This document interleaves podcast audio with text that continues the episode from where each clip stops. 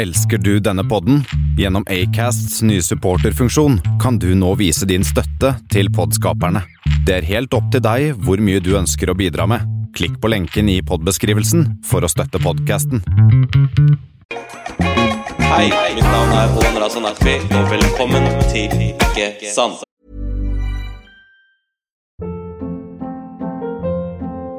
Hold up. What was that? Boring. No flavor. That was as bad as those leftovers you ate all week. Kiki Palmer here, and it's time to say hello to something fresh and guilt-free. Hello Fresh. Jazz up dinner with pecan-crusted chicken or garlic butter shrimp scampi. Now that's music to my mouth. Hello Fresh. Let's get this dinner party started. Discover all the delicious possibilities at hellofresh.com. Hi, I'm Daniel, founder of Pretty Litter. Did you know cats tend to hide symptoms of sickness and pain? I learned this the hard way after losing my cat, Gingy. So I created Pretty Litter, a health monitoring litter that helps detect early signs of illness by changing colors, saving you money and potentially your cat's life. Pretty Litter is veterinarian developed, and it's the easiest way to keep tabs on your fur baby's health right at home. Go to prettylitter.com and use code ACAST for 20% off your first order and a free cat toy. Terms and conditions apply. See site for details. Hei og velkommen til en ny episode av Ikke sant. Jonis Josef og jeg ble kjent i LA sånn egentlig. Jeg var på jobb med Nora Collective og Unge Ferrari i anledning hans nyeste album, og plutselig så ringte Jonis meg på Messenger, og han skulle bo hos oss noen dager. Eh, vi ble med Jonis på gun range, fylla og ikke minst den legendariske Comedy Store, der han drepte det. Og om du ikke kjenner Jørnis, så er han tidligere programleder for den populære podkasten Karakter. Han er skaperen av Kongen av Gulset, standup-komiker, tidligere aksjemegler fra Skien. Premisset for denne episoden er egentlig å snakke om TV og humor i 2022. Noe som ofte står i sentrum for endring, når vi snakker om ting som ikke er greit lenger. Det kan være karakterer i serier, eller dårlige vitser fra kjente komikere. Velkommen, Jonis. Tusen takk, og nå for en intro! Ikke sant? Det var hyggelig i San Diego, da. Eller i California der. Ja, faen, det var hyggelig, ass. Det var ehm, ganske, Det var nesten litt sånn skummelt, da, for jeg husker vi skulle bli med deg, og vi hadde aldri hørt deg på Jeg hadde aldri hørt deg på norsk heller. Ja, ja, ja. Og jeg var sånn du vet, Jeg liker Jonis godt, jeg håper ikke det her er dårlig. Altså. det verste som finnes, er når folk eh, skal gjøre standup for første gang. Ja. Og så plutselig så kommer jeg opp for å se dem, så er de sånn Jeg har invitert familie og venner. Hvorfor i helvete Why? har du invitert familie og venner? Det er ingenting som ødelegger et forhold mer enn å se noen suge. Det er nettopp det, fordi du må være hyggelig etterpå, og så glemmer du det aldri. Ja. Og så, jeg har hatt lyst til å prøve det, faktisk. Standup flere ganger. Jeg presenterer jo mye på skoler og sånn, så jeg har Ja. tenkt at det er ikke det at jeg tror jeg skal drive med det, men jeg bare tror at jeg kan få noe ut av det. Som en person som står foran folk og prater. Jeg, altså Hele grunnen til at jeg gjorde standup i første omgang, var jo fordi jeg, jobb, jeg jobbet som aksjemegler. Eh, som er ja, en egen historie i seg selv. Men da jeg jobbet som det, så eh, hver morgen så pleide jeg å presentere det amerikanske markedet. Okay. Så da måtte jeg opp, våkne opp tidlig, klokken seks, halv sju. Oh, shit. Eh, Flekka opp masse ulike finansaviser. finansaviser. Hvis jeg juksa, så gikk jeg rett bare på én sånn uh, Bloomberg-greie. Og så fant jeg liksom alle tallene, sånn hvor mye de ulike indeksene gikk opp og sånn. Okay. Og så på morgenmøtet så måtte jeg si sånn USA er opp 3 i dag. Bla, bla, bla. den, den, den, bla, bla, bla. Så holdt jeg på sånn, men jeg var nervøs hver gang. Okay. Og jeg fikk den der eh, klassiske den der, den der sånn boble i stemme i halsen. Ja. Når folk, du skal snakke foran folk, og så får du sånn derre en liten sånn bob, og så plutselig begynner du å snakke formelt. vet du, den der greia der. Så jeg fikk han der hver dag, mann. Det er skikkelig Så tenkte jeg sånn, hvordan kan jeg fikse det her? Og da Eksponeringsterapi er liksom, det er min go to-greie. Hvis jeg er redd Ja. for noe, så bare gjør jeg det skikkelig. liksom. Ja. Eh, Hvis du er redd for høyde, hopp fra tieren. Og hvis du er redd for å snakke foran folk, prøv standup. Liksom. Ja, ja. Så det var planen. Jeg skal bare gjøre det én gang. Tingen min er at det er, ikke det at jeg er redd for å øhm, snakke foran folk. Jeg, jeg liksom, det hele starta med at jeg var dårlig med å gjøre lekser. Så hver gang det var muntlige presentasjoner, så pleide jeg bare å si 'kan jeg være sist'? Ja. Og så bare lagde jeg presentasjonen kjapt på PC-en mens de prata, og så bare gjentok jeg det samme. Så den frykten Jeg pleide å lese poesi i moskeen da jeg var åtte år. Så jeg, mener. Ja, ja, ok. så, så, så jeg har aldri vært redd for å stå foran folk, men jeg tror jeg trenger å bli bedre på å styre når folk ler og ikke. Ja, fordi det er også eh, det som er liksom det vanskeligste og det rareste og det skumleste med standup. Det er at hvis du gjør andre kunstformer, la oss si poesi, da, for eksempel, så reaksjonene til publikum, om de er lei seg, så kan det være bra, bra dikt. Om publikum blir glad, så kan det være bra dikt. Om publikum blir forbanna, så kan det være bra dikt. Mens standup, så er det kun én ting som avgjør om det er bra, og det er om de ler. Ja. Så det, er veldig sånn Både en veldig lukket kunstform, Mm. samtidig som at den er veldig åpen. Det er veldig kompleks, men du, du skal kunne ha en, en reaksjon, og det er Ja. latter. Og det er kontrakt når det kommer til standup. Ja, Det er utrolig eh, kontrakt òg. Det er en ganske vanskelig kontrakt. Mm. Jeg tror eneste standupen som har fått meg til å le og gråte, har vært noe med Chapelle å gjøre. Ja. Fordi at han har den kraften til å For han har gått past liksom bare sånn vits og punchline. Han Mm. er på noe historiefortellingsshit. Ja, fordi jeg også er, jeg er veldig sånn Chappelle-fan. Eller Mm. jeg er veldig liksom, glad i han. Men jeg også er veldig sånn der um, Det er lenge siden jeg har ledd skikkelig og kost meg med Chappelle. Selv om nå er det Sånn, veldig, sånn, ja. er veldig mye seriøse, gode poenger, og jeg er enig og slår slag for, for humor, liksom. Mm. Men um, jeg husker liksom hvor høyt jeg lo av Terrorists don't take black hostages. Liksom. Jeg husker hvor høyt jeg lo av det, liksom. Og bare spi, utspille. Og så kommer det jo liksom en annen versjon og variant av Chapelle. en viktigere Mm. variant av uh, Chapelle. så er det jo det evige spørsmålet skal, skal humor være mer enn bare humor. Ja, For i så fall så er det riktig det Chapelle gjør. Jeg tenker at du setter premisset jævlig bra for de tingene jeg lurer på i dag. Oh. Eh, Nesten bedre vei. Og så greia er at du sa aksjemegler til eh, komiker det er en helt annen og lang historie. Men jeg har aldri hørt den historien. Hva, hva skjedde? Det som skjer i, i jeg, skal, jeg skal prøve å liksom eh, ikke bruke hele podkasten på å svare det. Men jeg, jeg, jeg flytta til Oslo i 2012, Mm. etter å ha bodd et halvt år i Paris. liksom. Ok, Hva gjorde du der? Jeg eh, glemte å søke på Jeg hadde gode karakterer fra, fra videregående. Mm. Og så skulle jeg søke på universitet, men så glemte jeg å søke på det. og så var det jeg og en annen kompis som hadde glemt å gjøre det. liksom. Okay. Og så var vi sånn Shit, fristen har gått ut. Hva faen gjør vi nå? Og faren hans var advokat okay. og var veldig opptatt av utdannelse. Og foreldrene mine er somaliere, veldig opptatt av utdannelse.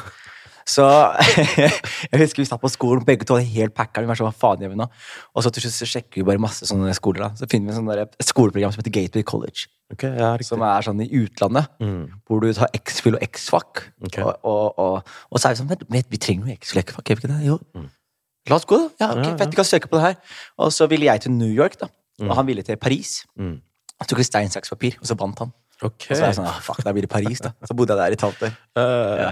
Og så var jeg der et halvt år, kom tilbake til uh, Forandret meg mye som menneske. Mm. Jeg bodde i en liten by. Du er fra Larvik. ikke sant? Og det er et eller annet når du er i en sånn by, og du vokser opp i en sånn by hvor alt er viktig.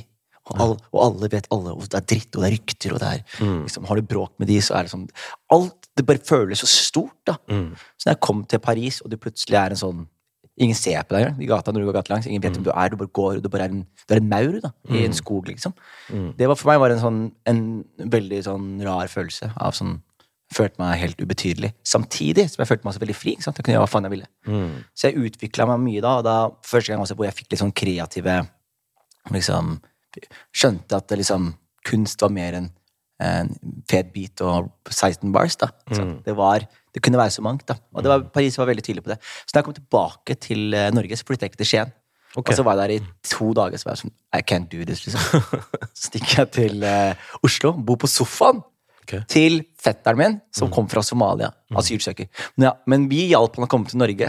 Ja. Og når jeg kom til Oslo, var det hans sofa jeg sov på. Okay, yeah. Så jeg bodde et halvt år på sofaen til en asylsøker. Såpass. Ja, Uh, og det var, det var min første intro til Oslo. Og så begynner jeg liksom å komme meg inn, begynner på BI. Mm.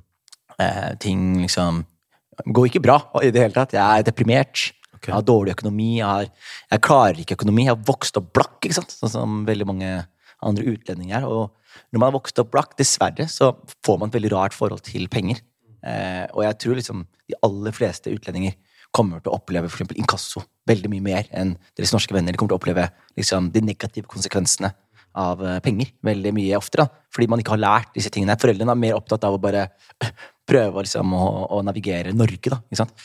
Så jeg står i Oslo da, har masse gjeld til nakken og mister en av mine beste venner til selvmord. Første døden jeg opplever tett på meg. Det er slutt med min første kjæreste. Bare masse sånne følelser som uh, gjør at jeg blir veldig sånn deprimert. Da, sånn ordentlig sånn låser meg inn i en liten leilighet på Nydalen og, og sitter der en del. Og så en dag så hadde jeg vært ute og gjort et eller annet, og så kom jeg tilbake. Og med et eller annet så mener jeg å kjøpe cannabis.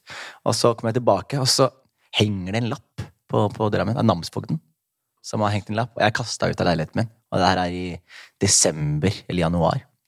Så jeg er bare åh, Kan jeg hente MPC-en min og KRK-monitoren min, liksom? Jeg Ja, for det var en jeg jeg, Jeg lager, jeg lager beats, vet du. Ok, ok. Ja. Så, jeg var sånn, kan jeg i hvert fall hente det, da? Så de Ja. slipper meg inn og driter i klærne. Jeg bare henter masse studieutstyr Ja. og sitter liksom i gangen nede og bare alle de her som bor i blokka, bare går forbi og ser at jeg sitter her og bare Å, han ble kasta ut. Selvfølgelig. Det var han som hadde en postkassa som ikke gikk an å lukke igjen, liksom. så, så, da, så da begynte jeg liksom hasse da. Da var jeg bare sånn Ok, tydeligvis, det her funker ikke nå, liksom. Eh, og jeg hadde også eksperimentert veldig mye med um, psykedelika på den tiden. Og hadde en veldig sånn sterk opplevelse på eh, DMT. Um, veldig, veldig sånn sterk opplevelse.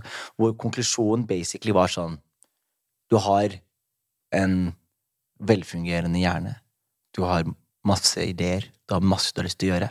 Akkurat nå så skakkjører du potensialet ditt. Det her funker ikke, liksom. BI funker ikke. Den leiligheten her funker ikke. Tingene her funker ikke. Vennene rundt her funker ikke. Maten du spiser, funker ikke. Treninga funker Altså, ingenting funker. Uh, og alternativet er sånn ok, du kan enten ta livet ditt, som han kompisen min gjorde, eller så kan jeg gjøre de tingene Fordi når han tok livet sitt, så var jeg så sur på han. Jeg var sånn, dude, liksom, ikke ta livet ditt. Ta! Og bare liksom, ta en siste sjanse, da. Hvis du først er suicidal, liksom. Hopp på et fly, da. Ikke sant? Sjekk hva, hva skjer i Filippinene, liksom. Heller dø en sakte død på gata i Hanoi eller i, i Lagos enn å dø inne på godt kott, ikke sant? Faen, jeg har tenkt på det så mange ganger, ass. Mm. Og så har jeg tenkt Kanskje jeg aldri har virkelig opplevd å være det. Ikke sant? Mm.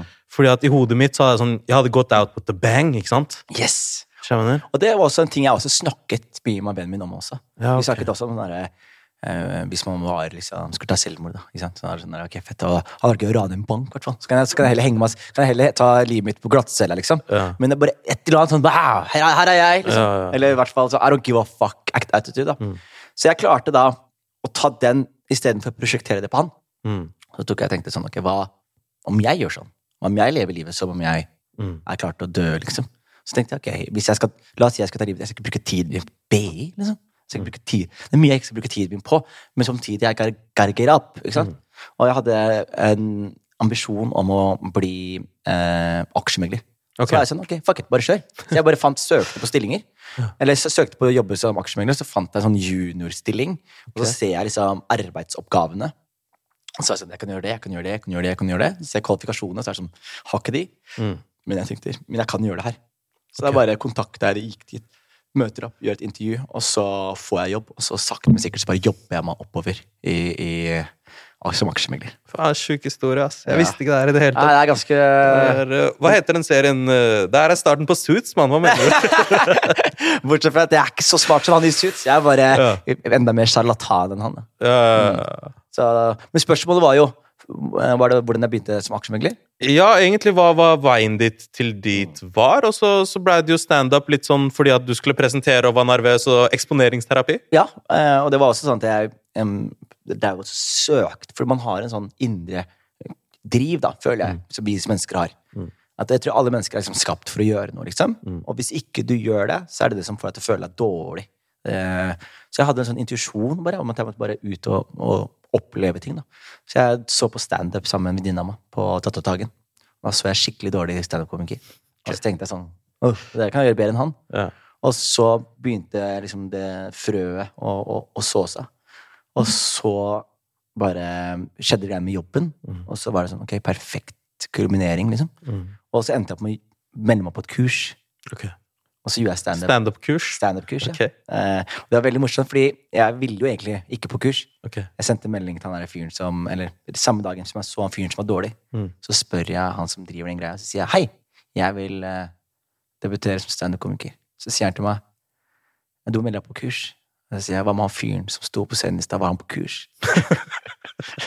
så, og så så han på meg sånn når du frekker kjeften, liksom. Og så sier jeg drit i kurset, det går bra. Det her, liksom. Jeg skal bare på scenen, liksom. Bare gi meg noen minutter, liksom. Nei, jeg måtte på, på kurs, da. Men veldig tak takknemlig for det kurset i retrospekt også. For Ja. det var bare lærer deg veldig mye sånn misconceptions og Hvorfor bruker jeg så mye engelsk ord nå? Men det er ve veldig mange sånne grunnting du lærer deg, som å flytte mikrofonen riktig og stå riktig og snakke tydelig, og hva premiss og hva punchline er, og Ja. alle de tekniske aspektene ved det. Og så ble det bare mer og mer og mer, mer av det. Jeg lærte det i det derre intervjuet med Det var en samtale mellom Jerry Seinfeld, Chris Rock, Louis C.K. og en til jeg ikke kommer på. Uh, Ricky, Ricky Gervais. Gervais. Jeg Ja. har sett den der. Og der sier Chris Rock det med premiss. At det er der mange komikere bommer. Og så tar de Chris Rock som eksempel, for han repeterer poenget Chris Rock sitt. er den som gjør sånn Women these days are crazy! I mean, they're crazy! Ja, og så hjelper Og så repeterende. en gang til, en gang til, og så kommer punchline. etter Så kommer det. Ja. Ja, det er viktig med premiss. Det er veldig, veldig viktig med, med Men tennis altså. ok, så, så du tar kurset. Hvordan var første gang, da? Første gang var uh, veldig, veldig uh, Veldig spesielt, fordi jeg var veldig nervøs uh, en uke før jeg skulle på. Så jeg begynte å bli sånn Klarte ikke å sove sånn seks dager før og fem dager før. Så jeg begynte å, jeg ringte jo han ene arrangøren, og de var jo da på kurset så hadde jeg gjort en bra, en bra figur, tror jeg, fordi de var veldig keene på at jeg skulle være der og stå sist. da. Men jeg hadde ikke skjønt det i det hele- tatt, så jeg ringte jo inn og var sånn Hei, du, jeg, jeg, jeg føler meg litt dårlig. Eh, tror jeg må bare avlyse det, liksom. Og de bare er sånn Det gjør du ikke. Vi snakkes, liksom. Fordi det er, alle, alle prøver å komme seg ut av det på starten, ikke sant? for er så, er så, du er så nervøs. da. Og så ender jeg opp med da eh, Forberede meg. Det er meg og en venninne og en kompis som heter Lars, som drar ned. Og jeg står og ser alle komikerne før meg stå på scenen. Alle er nervøse. Står og shaker hands. Og, og jeg lærer noe den dagen da som jeg fortsatt den dag i dag skjønner viktigheten av. da. Jeg, for jeg ser på folk før meg, så ser jeg sånn Å, alle er nervøse på scenen. Og hvis du er nervøs på scenen, så gjør du meg nervøs som publikummer. Ok. Fordi du prosjekterer følelsen din. Ja. Ikke sant? Prosjekterer, eh, hvis du er redd, så prosjekterer du det. Mm. Så jeg var sånn, ok, ikke vær nervøs, bare. Mm. Så jeg sier sånn, gasser meg opp. da. Og så kommer kompisen opp på siden og filmer meg og sier sånn Hey, man! Jeg har den videoen her fortsatt. vet du. Han filmer meg og sier sånn Hey, man! Så sier jeg hey. Så sier han What are you gonna do when you become a superstar? Så sier jeg I will fuck bitches and do cocaine. Sier jeg. det var to streite Drømmen. Ja. Og han ler, og så sitter han sånn ned, og så plutselig bare tar jeg med den energien på, på scenen. Og så merker jeg når jeg står på scenen, at beinet mitt rister. Høyre Høyrebeinet mitt, Og det rister sånn ukontrollerbart. ikke sant? Okay. Og så har du kort tid, da, fem til syv minutter, og du er i en haze. Så jeg har sånn, ok, i hvert fall ikke riste beinet. Ja. Så jeg ender opp med å lene meg liksom, albuen min på bordet. Ja. Ikke sant? Og så tar jeg beina mine i kryss, og så legger jeg all vekta mi på det beinet. Det har jeg sett deg gjøre flere ganger. ja, og det jeg gjorde da, var at jeg tok beina i kryss og legger all vekta på høyrebeinet. For jeg var som hvis det beinet her rister, og bare legger all vekta på det, da det rister ikke. ikke sant? Så det rister ikke. Og til slutt så bare ligger jeg sånn fremoverlent over bord og holder mikrofonen sånn avslappa. Og jeg nailer det. Sånn publikum altså De er så, de er så behagelige. De, har så- de har så lave skuldre nå, ikke sant? Fordi jeg bare jeg har selvtillit og, og er ikke nervøs. ikke sant? Og de har akkurat sett to timer med nervøse nykommere. ikke sant? Ja, ja, ja. Så når jeg går av scenen, så er folk sånn Fy faen, så laidback du var. Og, bla, bla. og jeg er på Josefines da. Jeg skal opp til Nydalen. Ok. Og jeg bare sier til kompisen min jeg, jeg klarer ikke å ta buss. Vi må gå. Jeg har for mye liksom Ja, du hadde energi. Jeg hadde liksom, for mye adrenalin. Så jeg gikk liksom hele veien og begynte å fantasere om standup og stand- standup. Stand stand og, jeg- og så bare begynte Så bare skjønte jeg veldig fort liksom sånn der, den følelsen jeg fikk da av liksom nå, nå er jeg nærme et potensial jeg har, Mm. og jeg kan faktisk bli god i det her. Mm.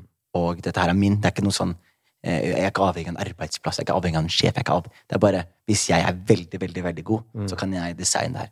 Så jeg fikk så mye energi da. Så jeg, vil- når jeg tenker tilbake, jeg tenker sånn Fy faen, for en sånn Så mye ting jeg gjorde for å gjøre standup, liksom. Jeg var sånn jeg, jeg sparte penger, da. Så jeg kunne fly til en annen by og gjøre en open mic der. Oh. Skjønner du hva jeg mener? Jeg, satt, jeg bare prøvde å få spots hele tiden. Hvis jeg ikke fikk spots, jeg var sånn, fuck it, jeg setter opp min egen greie. Jeg, bare, jeg, jeg hadde sånn drive som jeg vil påstå at jeg har den dag i dag. Jeg bare har mer kontroll på det drivet nå. Men da var det helt ute av kontroll. Det var sånn der, Med en kom hjem fra jobb, av med det, på med hettegenser, networker, stå standup, ikke stå standup, se standup, skrive standup, gå hjem. Jeg bare, det var sånn konstant. Og, og jo mer opptatt jeg var av det her, jo mer skjønte jeg sånn Ok, du, du gjør noe riktig, ass, mann. Dette, her er, dette her er for deg, liksom.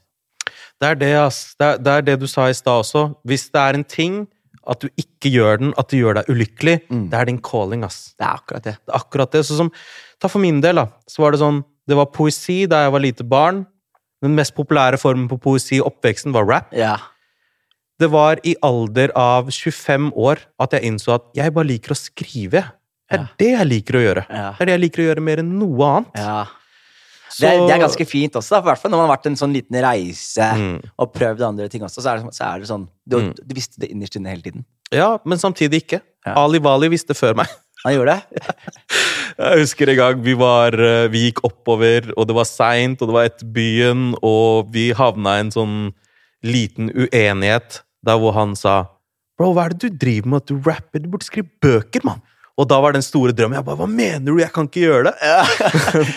Men ikke skjønte jeg i det øyeblikket at han prøver å si at 'jeg ser den siden ved deg'. Ja, ja, ja. Du, du burde dyrke det, bro. Det er, det er bedre at det skjedde sånn, istedenfor at du sitter i studio og akkurat droppet en track, og så sier du Ali, hva syns? Han bare 'Jeg syns du skal skrive bøker', jeg.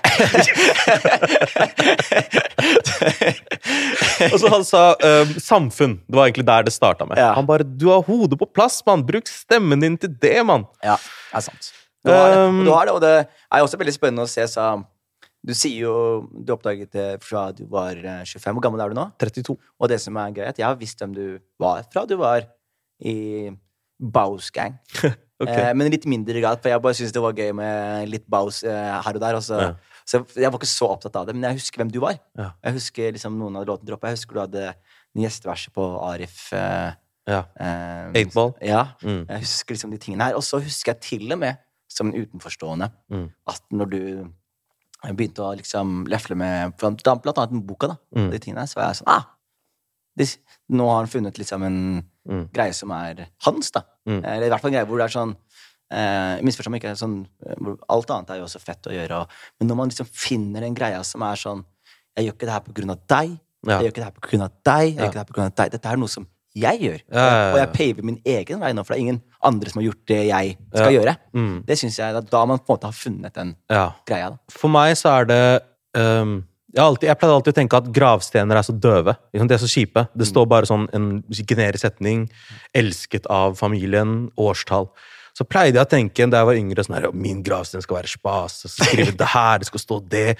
Og så innså jeg da jeg ble eldre, så husker jeg googla en gang hva som sto på gravstenen til kjente forfattere. De var jo flinke med ord, de må ha skrevet noe bra. Ja. Og så var det bare sånne generiske ting. Og så innså jeg at gravstenene deres, det er bokomslagene. Det er der de etterlot seg arven sin. Ja. Det skal ikke være på en stein, det skal Nei. være mens du lever. Det er helt riktig. Gravsteinen er jo de som er glad i deg, som velger. Riktig. Hvem vet når de skal dø? Veldig få av oss gjør. Så jeg er helt med på det. Mm. Når, de tingene du fortalte om nå, hvilket årstall var det? Eh, de, de tingene da Sånn første standup på veien framover. Første gang jeg sto standup, var 5. mai 2014. 5. mai Spør meg om når jeg data dama mi første gang. Jeg vet, ikke, jeg vet ikke. jeg vet ikke. Men jeg sto standup 5. mai 2014. Da debuterte jeg. Ja. Så det som var greia, var at jeg begynte i finans i 2012. Ja. Jobbet der i 2012, 2013, 2014 og 2015. Mm. Så da hadde jeg gjort standup i et år. Mm. Og da kommer eh, Lars Berrum Ja. og Martin Beyer-Olsen. Får en telefon fra et management som sier sånn Hei, Ja. Jonis, du om Lars og Martin er? Bare, ja, de er de rå Altså, de var de kuleste jeg digger Lars, ass. Så de var sånn de, Kjenner du de? Bare, ja, de vil ha deg med på tour. Jeg bare Jeg husker jeg går Jeg husker nøyaktig hvor jeg er. Sankthanshaugen. Gatelangs mot kaffebrenneriet der. Jeg går der. Jeg får en telefon. Jeg sier 'Hva?! Vil du ha meg med på tour?' Ja, lett. De bare «Hva- ok, 'Får du vært med?' Jeg bare 'Ja.' 'Hva med jobben din?' Jeg bare 'Fuck jobben min', og så dagen etterpå så er jeg så på kontoret til sjefen. da Full dress. Jeg vet du sliter med å se det for deg. ikke sant? Jeg sitter med full dress, og så sier jeg til sjefen 'Hei'. Han bare, ja, jeg bare vet om Lars Berrum og Martin Beyer-Olsen er. Han sier nei. Jeg sier, Det er de kuleste standup-komikerne, og, jeg- og de vil ha meg på, på, på tour. Han bare, når er de skal på tour? der?» Så sier jeg november. Jeg er jo borte liksom veldig mange dager i november. Han bare, ja, Og det som var problemet hans, var at jeg var så jævlig god på jobben min. Ok. Jeg tjente veldig mye penger for selskapet i perioder hvor selskapet tjente dårlig penger. Okay. Så jeg var liksom ganske viktig. Liksom. Så han var sånn Ja, nei, vi, vi trenger jo deg her, og bla, bla. Jeg bare, ja, men jeg, okay. jeg kommer til å gjøre det, liksom. Ja. Og han bare, ok, da, da får du ta Flexity da. Så begynner jeg å jobbe Flexity Ja. Og eh, når jeg jobber, så begynner jeg å jobbe Flexity en stund, og så gjør jeg det en liten periode. Og så får jeg tilbud om en, en sånn lang fastlønn i 2015, hvor jeg får 800 000 i året, pluss bonusen. Og det var bonusen jeg ikke levde på, så det er bare snakk om da halvannen mil til, til to mil i året. Og jeg, og jeg er 22-23, liksom. Wow. Ja. Og du ga opp det for standup? Og så sier, jeg, altså, så sier han til meg bare, Vi har lyst til den kontrakten her, bla, bla, men da er det viktig at det, dette her er fokuset ditt. Så jeg, og da var jeg sånn hmm, Velge standup eller jobb, liksom. Og da bare husker jeg at jeg bare var sånn Og da, igjen, tilbake til den der selvmordsgreia, ikke sant. Det er sånn Nei, det, jeg har lyst til å gjøre standup. Det er det jeg har lyst til. Det er det som føles riktig. Det er det jeg koser meg med. Mens det andre er sånn Ja, jeg har digg penger, og, men jeg må stå opp hver dag, og jeg må levere, og leverer jeg ikke, så er jeg bare Det er en competitiveness hver dag som er ganske for kjipt. Ja, ja, ja. Så da bare Jeg slutta på jobben, ass, bro. Tjente under 200 000 i to til tre år til, og har aldri hatt det bedre. Ja. Skjønner du? Det er var, min lykkeligste eh, periode, bare det. Ja, jeg, jeg også slutta i Jeg jobba i reklamebyrå Mm. fram til jeg var 25. Og da hadde jeg eksistensiell krise. Det var sånn kveld som i dag, liksom mørkt, Ja. Og du får liksom gjenskinn i, i vinduet. Ja. Og så var det en uh, Rema 1000 grillkampanje jeg satt og jobba med. Så kjørte hodet mitt satt over til bare Hvordan kan disse fuckerne her selge mer grillprodukter? Jeg får masse penger for å tenke ut det her. skjønner du? altså, og så får jeg glimt av meg selv i speilet, og så tenker jeg sånn Er det her grunnen Ja. til at ikke jeg fortsatt med musikk med gutta? Er det her den store pla Er det det her jeg driver med? Er, er this is it, liksom? Jeg skal bli med disse folka her som har jobba i dette byrået i 20 år, og bli en av de. Og jeg kan kjøpe leilighet om et år, men eh, hva faen betyr det? Alle kan kjøpe leilighet på et eller annet tidspunkt. Det er ingenting spesielt med det. Så jeg bare slutta. Og det som er viktig å si her også, er at eh, det er ikke sånn at eh, jeg føler at jeg er uansvarlig, eller gjorde en sånn Du hadde jo en plan. Ja, ikke bare hadde jeg en plan også, men jeg visste én ting, og det visste jeg det dagen jeg ble kastet ut av leiligheten min. Da hadde okay. ingenting. Jeg hadde gjeld på 100 200 000 kroner. Jeg hadde ingen inntekt. Jeg hadde ikke leilighet. Jeg ble kastet ut av leiligheten min. Mm. Dagen etterpå jeg fikser en lite sted å sove. Jeg fikser weed, jeg har mat. Jeg koser meg, vennene mine kommer innom. Liker at du si weed før mat. ja, ja, men det var de to tingene jeg målte lykke på da. Hvis at, for jeg fikk, alt, for jeg, jeg, jeg fikk alltid tak i weed og mat og sted å bo. Og når jeg skjønte det her, så var jeg sånn Jeg er på all time low akkurat nå. Det går ikke an å komme lower enn det her i det norske samfunn, så lenge ikke du utvikler et rusproblem eller en psykisk sykdom. liksom.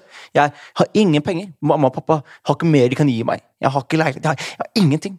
Og likevel, jeg klarte å finne liksom ja, jeg har fortsatt liksom, det, er, det finnes noen homies her, og det er litt weed, og det er litt mat. Og, og da skjønte jeg at jeg har en hustler inni meg. ikke sant? Og da var det sånn, og det som også er viktig å si, at Norge er et land som tilbyr et sikkerhetsnett til folk. Og jeg føler at du, du pisser på landet, nesten. Og du pisser på muligheten du har fått i landet her, om du ikke utnytter det sikkerhetsnettet til å ta litt sjanser. For det her kan du ta litt sjanser i en periode.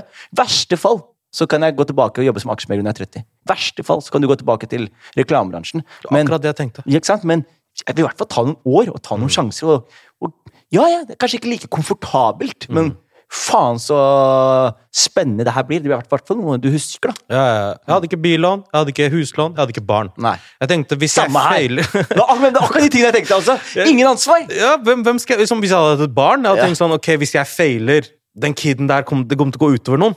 Ikke sant? Det gikk ikke utover noen. Du kan ikke ha Nora på to år, og pappa er sånn 'Jeg skal slutte på jobben min for å satse på en rap-karriere'. Du har barn, mann! Ja, men jeg har bars også. Skjønner du? Barn eller barn, kjære. Barn eller bars. Det her er faen meg spennende. Altså, Det er sånn, Jeg trenger ikke et tema med deg. bro. Det er bare, bare, bare det å høre historiene dine. Det er, um, jeg, vil, jeg vil si at det her er uh, utrolig spennende å høre. Jeg synes det er hyggelig. Når jeg er ferdig med standup, jeg skal bli sånn der motivator i bro. Ja, sånn du der- kan det, mann. I used to be on the streets, Ja, man! Look at me now! You have to quit your job! You to- Du må våkne opp klokka fem hver dag. Jeg skal være motsatt motsatte fyren. Sov lenge, mann! Få deg hvile! Bruk sikkerhetsnettet, mann! Hva mener du? Da var bra, bro! Bruk sikkerhet. Uansvarlig økonomi lønner seg på sikt. Invester i din egen velvære. Ja, det er det det går i. Jeg hadde en, eh, jeg har hatt, hatt gjester og sånt som har, som har sagt eh, ikke fokusere på dietter, fokusere på å få ned stresset ditt. Ja. Og- Men, men, eh, men, men det kan jeg også bare si også, er liksom at det, det er et eller annet veldig spesielt med dette her med stress og sånne ting. Sånn, I starten av karrieren min så stressa jeg aldri. Jeg var bare, jeg hadde det så bra. Alt var bra, alt var bra. Og så begynte ting å eskalere. De siste tre-fire årene liksom, så har det, det har vært stress. liksom. Det har bare vært stress, og det har ikke kommet ut sånn Bortsett fra liksom, TV-seriene og, og standup, og sånn, så har, har jeg vært med på veldig mye sånn kvantitative ting. Eller kvantitative ting, hvis du vil. om du vil. Det er ikke sånn, Kvalitet er ikke fokus på det. Bare sånn, ah, gjester her og bla, bla. Og hatt så mye stress, da. Mm. Lagde en ny plan for i år i år. Skru av stresset, liksom. Fungerer Samme. som faen, altså. Gjør det det? Hva gjør du da? Hva, hvordan skrur du ned stresset? Hvordan jeg du ned stresset, er at jeg, først og fremst må jeg bare igjen sørge for at jeg har noe som jeg har ansvar. da. Jeg har leilighet og dame og sånne ting. Så da må jeg sørge for at jeg i hvert fall har råd til å betale ned eh, kåken og faste utgifter, liksom. Og så lager jeg en plan for det. Ok, jeg har det. Fett. Så ser jeg på kalenderen min så sier jeg ok, en dag i uka så har jeg podkast, liksom. Ok, fett. En dag i uka så har jeg radio, eh, hangover-show, standup-show, som jeg gjør hver, en gang hver eneste uke. Ok, fett. Det er fem dager til i uka. Ik ingen får lov til å plage meg før tolv. Nei, det er nye regler jeg har laga. Jeg har ingen avtale før tolv. Ja. Eh, Jeg vet du, fokuserer kun på prosjekter som jeg har initiert nå. Ikke gjeste andres ting, eller bare sånn Bare Ja, prosjekter. Og så kan jeg bare, Da får jeg tid til å gjøre sånn som det her, uten Ja. at det her koster meg noen ting. Dette er noe for meg nå. Det er lenge siden jeg har vært på podkast med en kompis, Mm. og bare no, der. er, Jeg koser meg skikkelig nå. Liksom. Jeg tenker ikke på hva jeg skal etterpå. Jeg tenker ikke på Jeg bare tar det helt knakende med ro. Og jeg vet jeg skal i morgen. Ingenting! det er jævlig behagelig. Jeg visste ikke at det gikk an å leve. Jeg blir, sånn, jeg blir nesten litt sånn der, Jeg blir skikkelig weirda ut av det. For jeg var sånn, det, Var det så enkelt å ha det fint, liksom? Ja. Mm. Faen, det er sant. Jeg har, jeg har tenkt det samme. Der, Derav denne podkasten. Derav uh, neste bok. Men- jeg skal bare fokusere på egne ting. Men når det er sagt, da, Mm. så lurer jeg på også om, om jeg kan gjøre de tingene jeg har gjort nå, fordi jeg har stressa i fire-fem Jeg antageligvis. har jobba masse overalt og hatt syv prosjekter som gjør at jeg, jeg, har, jeg tror at jeg har etablert et rykte på meg som en, som, en fyr som får til veldig mye. Mm. Så da kan man også slappe litt av, ta det litt rolig og sørge for at liksom Ok, nå vil jeg heller bruke litt tid på Mm. Jeg tenker det er fruktene man høster. det. Ja, det tror jeg. Ja, det tror jeg. Grunnen til at jeg spurte hvilket år det var, er litt sånn Verden var ganske annerledes i 2014. Det er veldig. Veldig annerledes. Ikke, sant? Eh, ikke bare pre-pandemi, men pre en del ulike saker. Mm. Jeg holdt på å si bitcoin ikke fantes, men eh, Det fantes. jeg hadde bitcoins. Hadde du? Syv stykker. Har du de fortsatt? FBI seized them. Hva mener du? Helt sant. Jeg, Nei! Jeg vet det høres ut som kødd nå, men FBI skylder meg FBI, FBI USA, bro, FBI skylder meg syv bitcoins. Hva- Var det Hæ? Jeg fortalte at jeg røyka weed på den tiden. ikke sant? Ja. Ja. Eh, og og da, var det en nettside som het Silk Road. Ja, ja, Og, og der hadde jeg en bruker. eh, og da pleide jeg å kjøpe noen ganger liksom, eh, narkotika på døra mi. Ok, jeg skjønner. Eh, så vet du, jeg gjorde dette her en stund, sånn, og så plutselig var det en gang jeg eh, satt og skulle gjøre et kjøp, og så fikk jeg ikke kjøpet mitt gjennom. Ja. Og, så var jeg sånn, okay. og da kosta bitcoin 60 kroner per stykk. Mm. Så jeg, hadde, så jeg hadde igjen da syv eller ni bitcoins, jeg husker ikke nøyaktig hva tallet var. Og så var jeg sånn, nei, jeg får bare eh, vente og, og kjøpe noe seinere. Og så glemte jeg det, og så plutselig går det et år eller to, så plutselig er jeg sånn Bitcoin har gått opp i verdi! Og så er jeg sånn Fett, liksom! Jeg har, jeg har et par bitcoins. Og så går det et par år til, og så er plutselig folk sånn Bitcoin! Så er jeg sånn ah, Nå skal jeg selge bitcoins. Jeg skulle selge på 3000 dollar stykket. Okay, ja, det er fortsatt billig i forhold til da, liksom. Veldig, men, nå, da, men da var jeg sånn De kosta 60 kroner. Nå, jeg, nå får jeg faen meg en for 30 000, liksom. Ja, ja, ja. Kjør, liksom. Så jeg skal inn og selge, og så plutselig så eh, viser det seg at eh, FBI da har arrestert skaperen av eh, Silk Road. Ja, sant det. Og så har de da gått inn på Silk Road, og så har de tatt alle accountene som var der, og seized all the assets inne på den plattformen. For jeg hadde jo ikke en egen What? wallet, jeg hadde en wallet inne på, på Ah, du hadde ikke egen, nei. Nei. Men det var en fyr som het Sku, Skotuppen okay. på Mirk på den tiden, Ja. som solgte Mirk er noe old school shit. Altså. Veldig old, men han solgte bitcoins på Mirk, og jeg bare tenkte på han fyren der må være styrtrik nå, liksom. Var han som solgte bitcoins til alle norske folk, liksom. Gjorde han det? Ja, ja. Fuck, jeg har ikke tenkt engang på hvordan kjøp fungerte på den tida. Nei, jeg avbryter deg to ganger nå. Du skal prøve å komme deg hjem på årstall, og ting har forandret forandra Jeg glemmer det. Så, så ser jeg og tenker å shit, jeg hadde spørsmål. Jeg. Um, det som er bra, er at vi er bare på sånn spørsmål 2 av 14, men, men likevel. Det, det som på en måte er For jeg pleier å ha et tema for ting. Ja. Ikke sant? Og um, det jeg lurer litt sånn på For du har vært innenfor um, humor siden eh, snart et tiår. Ja. Og eh, du eh, har hatt en standup-spesial som het Woke. Mm. Jeg vet at eh, det fins mange, apropos Dave Chappelle og i stad, det fins et press på humor. Er du bekymra for humorens takhøyde pga. det politisk korrekte? Det som er fascinerende, er at jeg har alltid sagt nei. Ok. Alltid sagt nei. Fordi jeg tenker liksom at det, det er de mest bråkete menneskene som klager. Jeg har aldri, for eksempel eh, i Norge, vært på standup-show hvor jeg har sagt en grov vits. Mm. Hvor folk er sånn «Å, 'Vi må cancele han', liksom. Mm. Vi, vi, vi har lært oss å, å, å tåle en del, og så merker man sånn eh, dårlige tendenser nå, da. Mm. Eh, og det her er veldig fascinerende, fordi vi sier jo for eksempel sånn derre At denne eh, sånn Det har alltid vært et sted hvor folk kan si litt hva man vil. Man kan gjøre litt narr av hva som skjer, og man kan gjemme seg bak Ei, jeg bare kødder, liksom. Ta det, Slapp av, liksom. Jeg kan kødde med hva som helst, da. Mm. Og så er det en sånn, et spørsmål som jeg sliter litt med, med selv. Fordi jeg, jeg, for eksempel, da jeg vokste opp, veldig mange som brukte ordet neger. Mm. Du vokste sikkert opp med pakkis også. Mm. Ikke sant? Mm. Og så vokser man opp, og så liksom, på starten så vet man hvordan man skal håndtere det. Man er sånn, hei, det går rykter på skolen. Hei, hørte du hva Thomas sa på fredag, eller? Hva da? Han sa neger. Hvor er han? Og så må du slåss med Thomas, for du må beskytte din egen hudfarge på skolegården og sånne ting. Ja, du blir sånn Ja. Mm. Og så var bare regelen sånn du kan ikke si, du kan ikke si neger, liksom. Men eh, jeg kan si det. så, så bruker, og det er, bare, det, er så, det er så mye rart med det. Og så til slutt så kom man til et sted i samfunnet hvor jeg er sånn Man skal ikke bruke ordet neger. Sånn. Og så er det sånn digg for meg. Mm. Ja? For da slipper jeg å forholde meg til det her. Og eh, jeg slipper å høre det her, jeg slipper å bli sur, jeg slipper å bli lei meg. Jeg slipper å bli eh, de greiene her. Og da er det viktig å tenke sånn Ok, jeg fikk den win. Mm. Jeg fikk den W-en.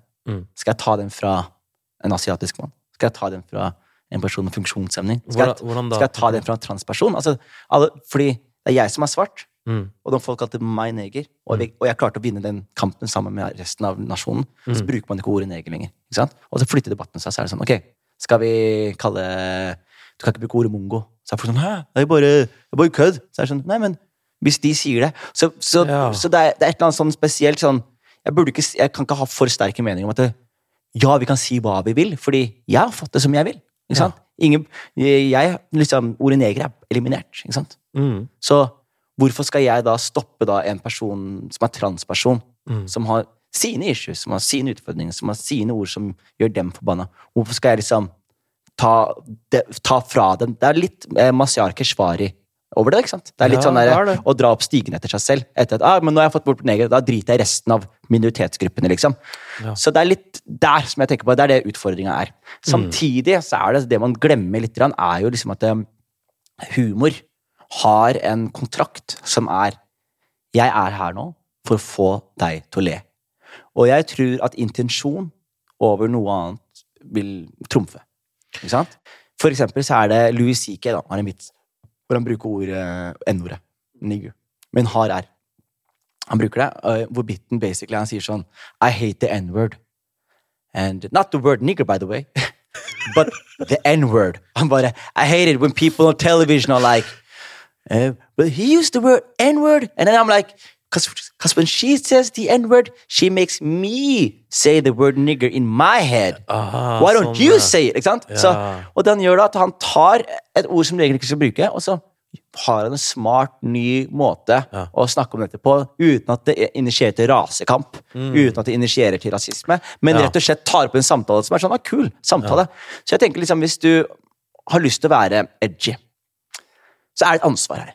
Sant? Som komiker, jeg har et ansvar, og ansvaret mitt er jeg står på en edge, liksom. Det er et ord, Vi står på kanten. Du har humor på kanten. Humor på edge. Vi bruker det samme ord på engelsk og på norsk, fordi vi visuelt visualiserer en kant. Mm. Og når jeg står på kanten, er det min oppgave å holde meg på kanten?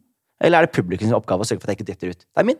Mm, Og, og du må da sørge for at du klarer å uttrykke deg riktig.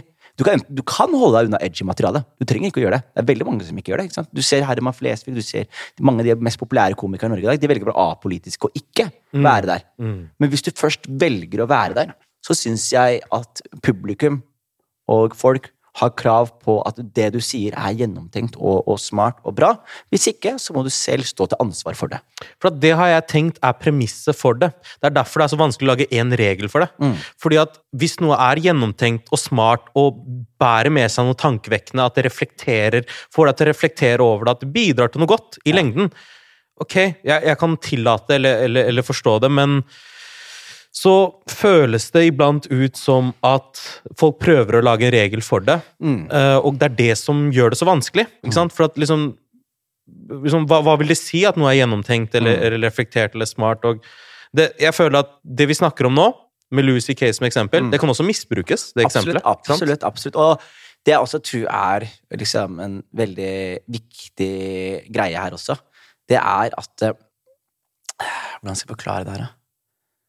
Det er Altså, det er det, ok, det første det viktigste også er at man alltid ser liksom Hva var tiden det her var satt til? Det verste jeg vet om, for eksempel, er noen, noen tar opp en tweet noen skrev i 2012 og er sånn Hæ? Han brukte, han brukte Han skrev guling på Twitter. Så er det sånn Ja, ja, men det, vi hadde ikke kommet til den samtalen ennå. Altså, skjønner jeg mener? Sånn, Mm. Ting lever liksom Jeg så nylig nå Neil Young. Så han nå? Nei. Han gikk ut og kritiserte Joe Rogan sin podkast og var sånn Ja. ah, Hvis dere ikke tar, kvitter dere med hans greie på Spotify, så trekker jeg meg. Ja. Og så begynte folk å være sånn Ok, så sjekker Neil Young. Altså, I 1985 så har han vært sånn derre Fucking faggots working at my grocery store. Og så er det sånn Jesus Christ. Så det er sånn jeg, jeg, jeg tror liksom altså at det som er viktig også, er at ingen er, ingen er faultless.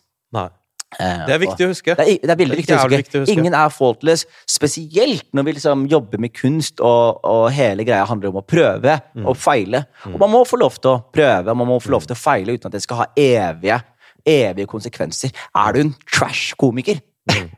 så er det begrensa muligheter du får lov til å gå på en scene og si prøve, det, prøve å gjøre en, eh, negervits, liksom. Men, Mm. men jeg føler liksom at man må legge folk litt gode intensjoner også, og Mm. ikke prøve å liksom drag folk ned. fordi hvis du skal bare dra, dra folk ned, liksom, hva, hva er hensikten med det? da? Er, er hensikten hvis, og hvis en fyr har brukt ordet neger, er hensikten nå å få de til å aldri snakke og leve av det de gjør, igjen? Ja. Eller er hensikten å liksom prøve å liksom sørge for at vedkommende skjønner hva man mener, og hvorfor det her ikke er viktig, Mm. slik at de ikke gjør dette her i videre mm. greier. Jeg syns cancel Mm. er helt ubrukelig og helt fjernt. Er helt enig. Eh, mens liksom samtaler kan man faen meg ha. Absolutt. Og så, tingen er da, er at hva skal vi gjøre da? Skal vi begynne å henge opp folk på et kors på Youngstorget og begynne å kaste egg og steiner på dem fordi at de gjorde en feil for 10-12 år siden? Jeg har sagt så mye stupid shit i løpet av livet mitt. Ja. Disse podcastene, jeg må redigere ut halvparten av spørsmålene mine, for jeg babler og sier så mye piss. og så det er sånn vi mennesker er. Vi sier stupid ass shit noen ganger. Har du sett Paradise Hotel før? liksom? Hvis du klipper ut det rareste fra en samtale, så høres, kan alle potensielt høres stokk dumme ut. Og så er det også Det man også glemmer her, er vi er i en veldig spesiell tid. ikke sant? Fordi før så har Norge vært liksom det har bare vært nordmenn her, ikke sant? så det var bare, Og se for deg når det, når det var bare nordmenn her. ikke sant? Når det var bare var nordmenn her, Ja. så kommer det fuckings nordlendinger ned til Oslo. Ja. Og de får ikke leiligheter. Ja. Folk er sånn, Vi leier ikke ut til nordlendinger. De opplever rasisme. Nordlendinger gjør oppgjør med rasismen over nordlendinger. Ja. Ja. Og så kommer pakistanere, og så er det en ny bølge med Ja, dem. det var den nye nordlendingene. Nye nordlendinger. Er akkurat å styre det! ja. Altså, så jeg går på skoleturneer, og så, så, så med Third Culture Kids-boka. Ja, ja, ja. Så viser jeg bilde av morfaren min. Jeg viser dere klippet som er Oslo 1970. Mm. Det første spørsmål til journalisten er hva om vi bare sender dem tilbake til hvor de kommer fra? Det er det første spørsmålet hans. Første reportasjen om svartinger i Norge. Og så er det spørsmålet. Det er, ja, og det må glemme jeg også. Er så, ok, Så kommer somaliere, og, Ja. så, og så begynner vi å vokse opp her, og så kommer andre generasjons mennesker opp, og så kommer folk ut av skapet og er åpne om sin seksualitet, og så kommer det folk identifiserer seg som andre ting. Så, så vi er akkurat nå i en pott. da. Mm. Og husk, altså, vi har telefon, og vi har amerikanske influensere i veien her, og vi har kinesisk influens her, og vi, har, mm. vi er midt i valg, og det skjer ting, og ting vokser. Det er bitcoin og krypto. Altså, det skjer så mye. Og i alt dette her nå, vi prøver bare å det er derfor, det, derfor det er så forvirrende samtalen om cancel culture. Og Ja. det, fordi det er forvirrende. Sant? Vi vet ikke. Vi vet på én side vi vil ikke ha et samfunn hvor folk sårer hverandre. Ja. Men samtidig vil vi ha et samfunn som backer frihet. Og så vil vi ikke at friheten skal gå på bekostning av det her. Men det går ikke. ikke sant? Fordi det er tilbake til det åpne, evige spørsmålet om alt det som kommer til ytringsfrihet. Er man for ytringsfrihet eller total ytringsfrihet? Ja. Og det er to forskjellige ting. Jeg kan ikke kalle læreren min en fitte i klassen uten å bli sendt til rektors kontor. Og jeg, kan, og jeg kan ikke stå på gata og si 'Heil Hitler' uten at det får konsekvenser. Ja, du er arrestert i Tyskland. Ikke sant? Og jeg kan ikke, jeg kan ikke liksom eh, gå rundt på internett og skrive adressen til Åen og si 'Her bor han', liksom. Ja, ta han. Jeg kan ikke gjøre det. Fordi man har satt det noen grunn, eh, grunnregler for hva ytringsfriheten omfatter, og hva den ikke omfatter. Mm. Og jeg tror liksom at vi må tilbake til det, da. Og bare gjøre noen justeringer igjen der. Ja. For det er sånn, ok, kan vi si hva vi vil om folk? Ja. Eh, I så fall, hva kan vi si om folk? Og i så fall, hva kan vi ikke si om folk? Og jeg tror vi bare, Når vi ikke har de samtalene, og vi ikke har fasit nå, så er det vi tar liksom, Samfunnet tar case by case. ikke sant? Så er det sånn, Tore Sagen sånn, ja, så klikker vi på han! Og så plutselig neste dag så er det noe som brenner en koran, så klikker vi på dem! Og så er det sånn, Men hvis de, hvis de skal få lov til å brenne en koran, eller hvis de ikke skal få lov til å bruke, jeg bruker N-ordet, eh, og de ikke skal få lov til å brenne Koranen, koran, da, har vi, da setter vi en grense. da. Ok, Kan vi brenne en bibel, da? Ok, vi kan ikke brenne en bibel. Ok, Da er vi tilbake til blasfemilover. Ja, ja, ja, Ok, Skal vi ha blasfemilover? Kan jeg da si 'herregud' på gata? Ja. Eh, Så, skjønner jeg mener? Sånn, det er umulig å sette Når vi den. først skal leke den leken. Ikke sant? Jeg, mener, jeg forstår deg 100 Ja. Og så, Vi lever jo også i en tid hvor vi deler mer av tankene våre enn noen gang uten å se en reaksjon. Ja. Og så før, eller hvis du virkelig offender noen, og den personen begynner å gråte foran deg, Mm. hvor fuckings ukomfortabelt er det ikke? veldig. Uansett om du hater en person, så blir du sånn ah, For en dårlig følelse. Ja, ja, ja. Nå du kan si de slemmeste tingene til folk, og du får ingen reaksjon annet enn en tommel opp, en tommel ned eller fem-seks andre emojis som du kan bruke. Og det er ganske, det er ganske fascinerende. liksom. Det er samtidig som Jeg tenker på det sånn som angående den greien der, da. Mm. Eh, Man, mennesker i samsvar med hverandre, spesielt når jeg vokste opp. Veldig veldig mye du lærer av medmenneskelighet. da. Ikke? Sånn, jeg visste hva jeg ikke skulle si til mine albanske venner eller mine kinesiske venner eller mine eh, da, jentevenner, mine homofile. Jeg lærte bare jeg Din feite venn, til og med, jeg, visste jeg, du. skjønner jeg, du? jeg, sant? jeg visste hvor grensa Noen ganger så kryssa jeg grensa, og så var de sånn hei, og så er jeg sånn unnskyld, det var ikke meninga, liksom. Mm. Og så skærer man opp, da. Men jeg visste hvor grensen gikk, for du er med folk real time. ikke sant? Mm. Og det er komikere som kødder med det og sier sånn Problemet med dagens generasjon er at det, Mm. Kids ser ikke hverandre. Ikke? De ser ikke hverandre når de krangler eller diskuterer. De er bruker de styggeste ord. Du kaller noen fat bitch, og så, så vet du ikke om de gråter. Ja. For du slipper å forholde deg til den gråtinga der. Og mobbing har jo for eksempel også en, en, eh, en funksjon òg.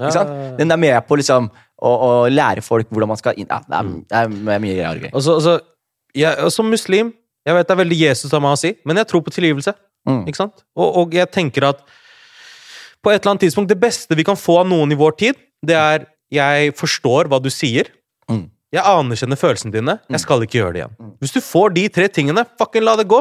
Eller- og, og hold den personen accountable hvis den gjør det igjen. Mm. Hva faen, bro? Ellers så kan man også ha bare en sånn grunnleggende lærdom hos folk, som er sånn Hør her.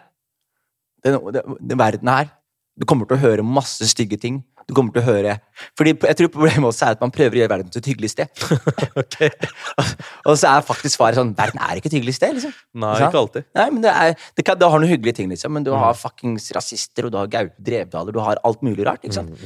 Så vet dere, en verden er ikke et hyggelig sted, på samme måte som vi lærer jentene våre.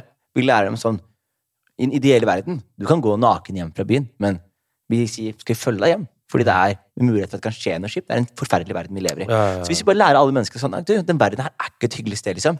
Du, ord Ikke la ord get to you. Ikke la ord get to you. Liksom. Ja, Hvis det er noen- vanskelig, da. ja, hvis noen kaller deg pakkis, liksom. Don't let it get to you. Hvis noen kaller meg Ja, det er vanskelig, ass. Ja, jeg vet det, men det jeg føler liksom for Enten så er det sånn Enten så begynner man, Mm. og hvis man begynner, så er det en sånn Hvor setter man streken-aktig greie. Mm. Eller så er det bare en åpen greie. La folk brenne koraner i sentrum, og la folk brenne bibler her, og la folk gjøre hva de vil. Og så kan man liksom heller liksom Mm. Punch a nigga in the face. Ja, det burde være profesjonalt svar tilbake. Ja, ja men jeg mener sånn, hvis du kaller meg neger, Kall meg gjerne neger, men you might get punched, liksom. Ja, ja, Eh, Og det er jo ikke bra, det heller, men det er også da alternativet, siden ikke Jeg vet da faen. Det er det som gjør eh, Vi kommer aldri, tror jeg, vi kommer aldri til å komme i mål med de greiene her.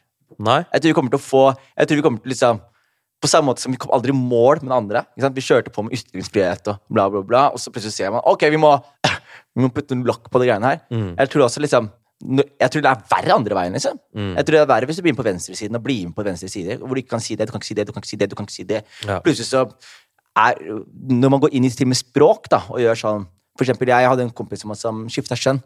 Okay. Han gikk fra han til hun. Mm. Og for meg var det en omstilling. ikke sant? Så jeg, når jeg snakket om så, så sa jeg kanskje han et par ganger, og sånne ting. Og da var folk sånn Hei!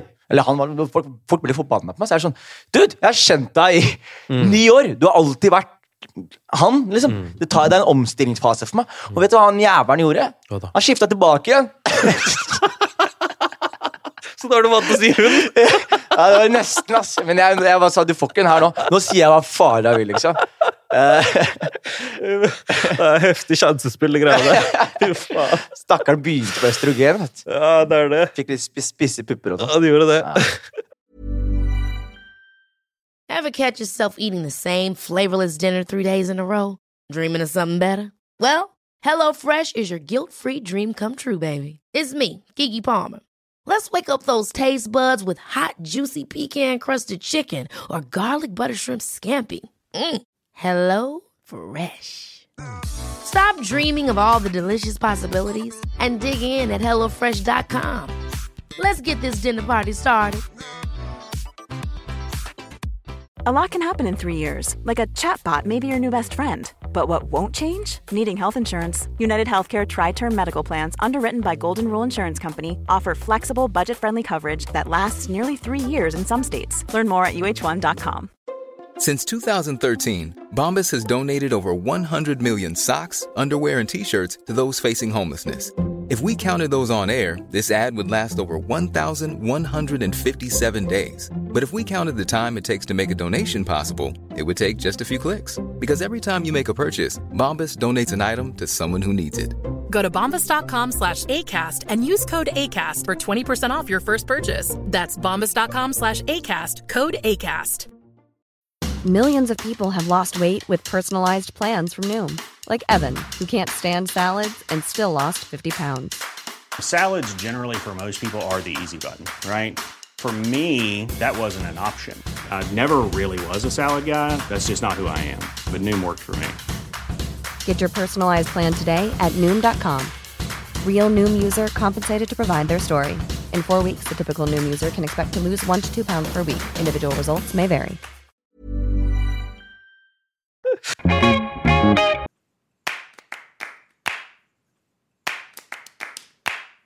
Som er problemet nå, er at folk liksom tror at det er et svar her. Ja. Det er ikke noe svar her. Det er valget mellom to onder. Mm. Og så Temaet for denne podkasten er 'Sannheten som sårer, er bedre enn løgnen som gleder'. Ja. Sannheten som sårer Er bedre enn løgnen som gleder. Oi, så du er, det er litt Ibsensk over deg? Ja, eller det her, tar- det her er islam, egentlig. Men, ja, men, ja, Ibsen sier også at hvis du tar løgnen fra Hvis du tar livsløgnen fra et gjennomsnittsmenneske, Ja. tar du livsgleden fra ham med det samme. God damn. Siterte jeg Ibsen på podkast akkurat. damn ja, det var det er det jeg sa damn til. Sitatet var ok. Det er det ene sitatet jeg kan fra Ibsen. Men uh, apropos samfunn, kultur og ting som former oss, så har jo TV vært en stor del av det. Ja. Og uh, jeg tenker at uh, det her er en slags del to, og det jeg lurer på, er noe som sikkert mange lurer på. Ja. Hva skjedde med sesong tre av Kongen av Gulset? I got fucked by the business, man!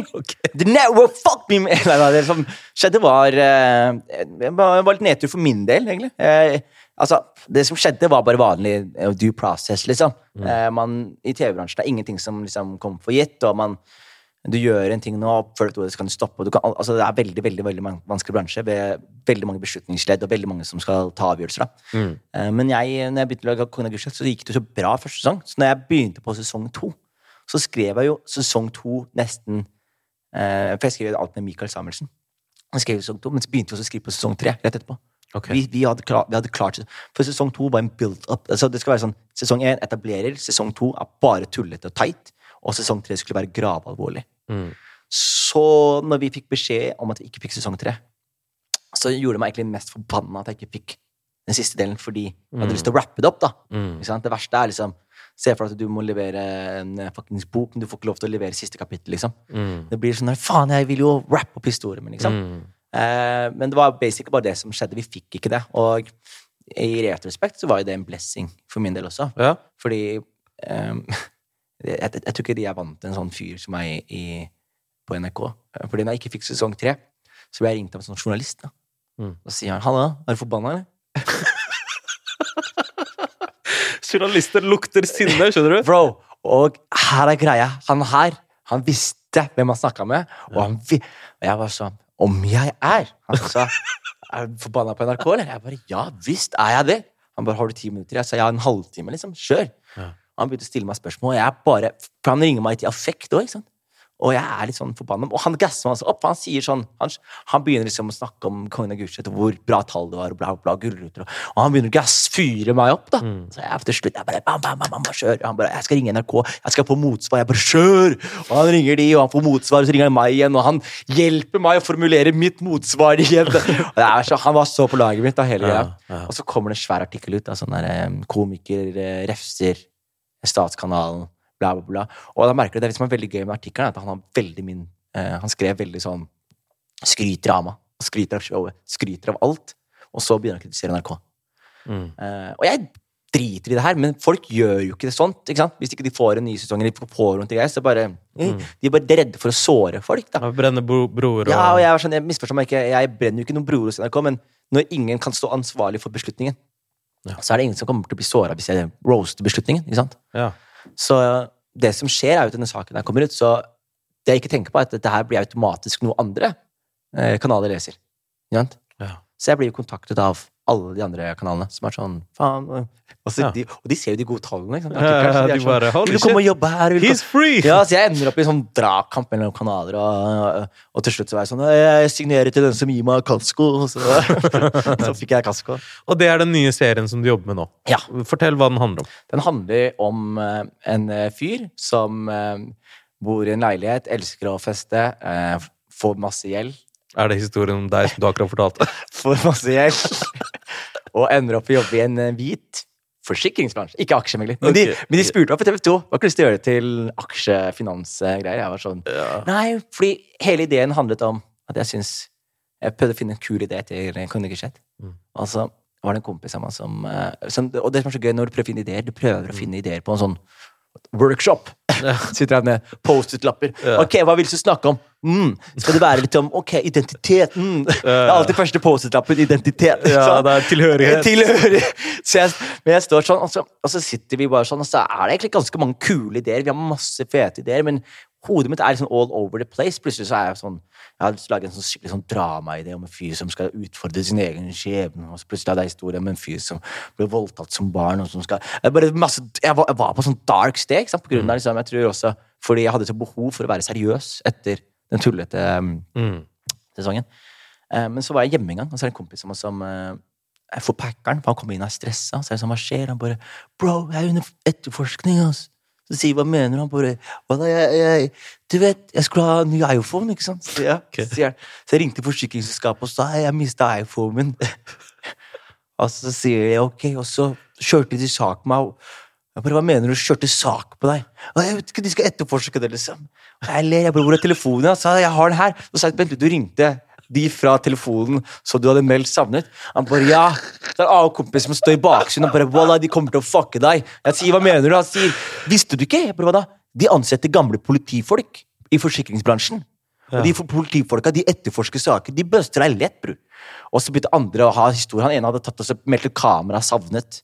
Og så hadde han plutselig blitt eh, kalt inn til sånn etterforskningsgreier. Så er de sånn Disse to bildene tok du på Instagrammen din. Den datoren.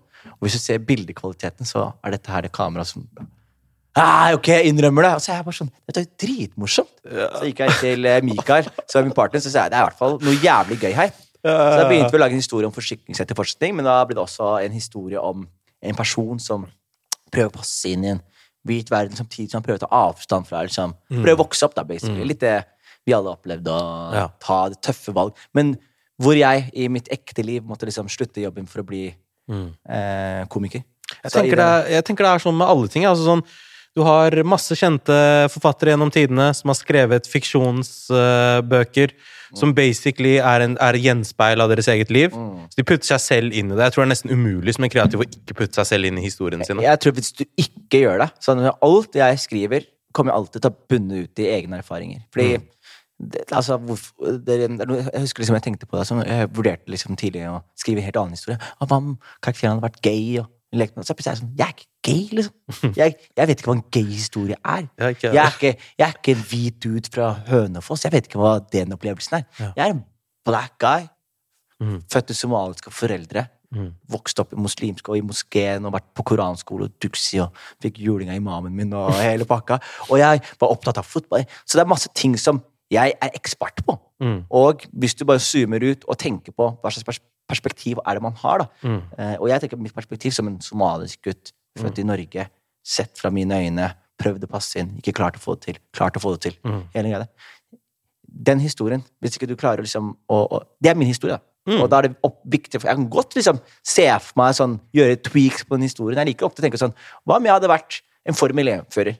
Ok. Og da kan jeg begynne å tenke så, ok, hva ville jeg vært for å være Formel 1? Men da tar alltid utgangspunkt i hvordan ville jeg ha vært Ja, en Formel hvordan- 1-fører? ja, Hvordan ville vært for en utlending vært en Formel 1-fører? Det er et jævlig godt poeng. Det er sant. ass. Mm. For da, det åpner jo at du kan skrive om ting som du ikke har direkte opplevd, Ja. men karakteren er fortsatt deg. Ja, og ikke bare det også, men liksom i alle, alle historiene jeg har, så jeg, jeg kommer alltid til å være en somalier, liksom. Mm. Skjønner du? For jeg kommer alltid til å ha I, Kasko så har jeg somaliske fraser, somaliske setninger, det er egne samtaler Mm. på somalisk, liksom. Og det kommer jeg alltid til å ha.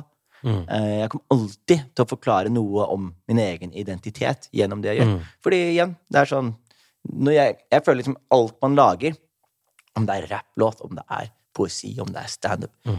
Det vi gjør som kunstnere og, og skapere, er at vi banker på døra til folk. Mm. Vi sier 'hei, har du to minutter?' Si til hva da? Se hva jeg har laget. Basically. På internett. Vi gjør det. Ikke sant? Og når jeg banker på døra til folk og sier 'se hva jeg har laget', hvis ikke det er en personlig ting, så tror jeg verken ikke at eh, du kommer til å være investert i det, Mm. og jeg kommer heller ikke til å være investert i det. Du ser det i musikk, da. Det er veldig typisk der.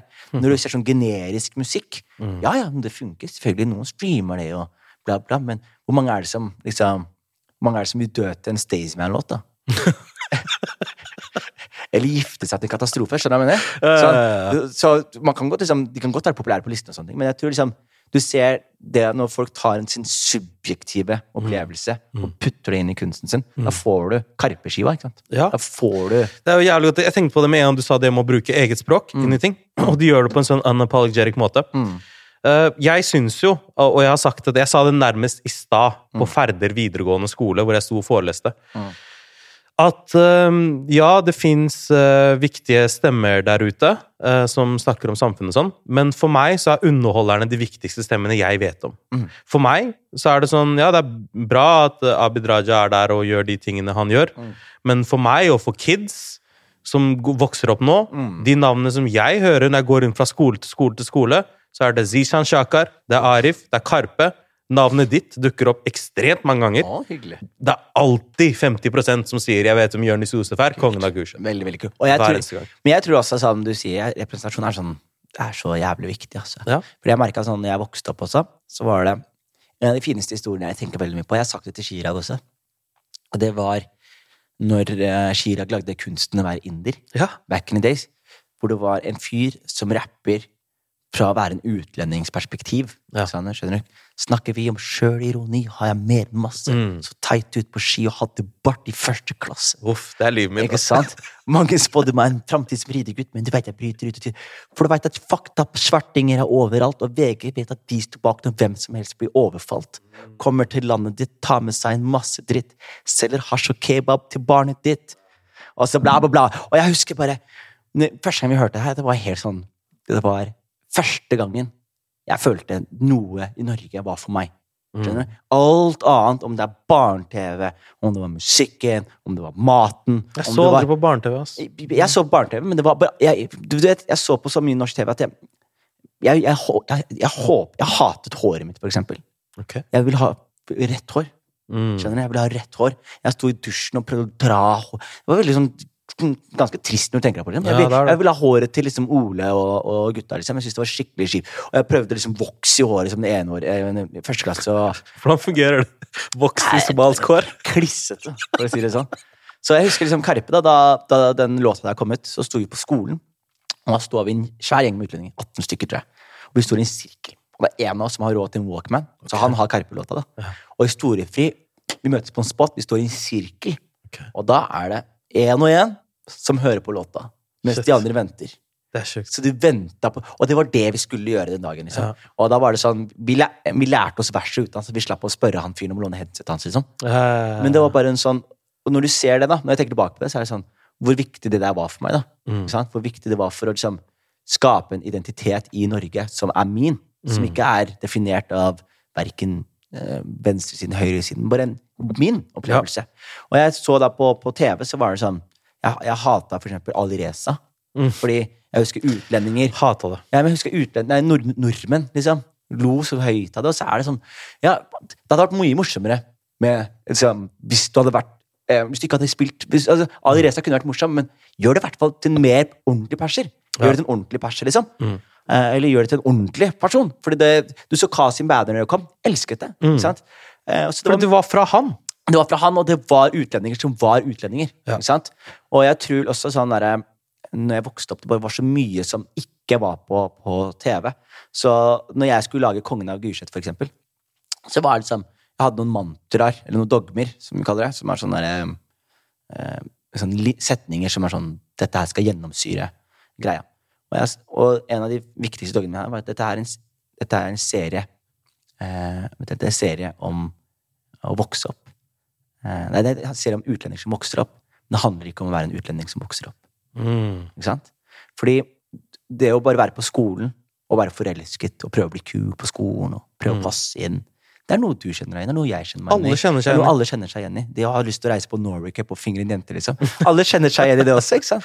Eh, og, og, og, og det jeg tenker er, som er sånn greia, er at eh, det er veldig, veldig, veldig, veldig viktig med representasjon i den forstand at utlendinger kan også få lov til å bare være mennesker. Ja, bare forandre ideen om hvem andre er. Yes. Det er akkurat det. Også, jeg, jeg er ikke en annen somalier, liksom. Ja. Og en annen somalier er ikke meg. Selv om jeg kan eh, åpne en dør og, og gjøre en ting og bla, bla, så betyr Men min opplevelse og hans opplevelse er to helt forskjellige ting. Og, og hvor sjukt er det ikke at vi må si det? Jeg drev og sa det på skolen i stad. Jeg sa sånn Er det ikke rart at det føles ut som rakettforskning at jeg må fortelle dere at bare fordi du har møtt én kjip person fra Drammen, så er ikke alle fra Drammen kjipe?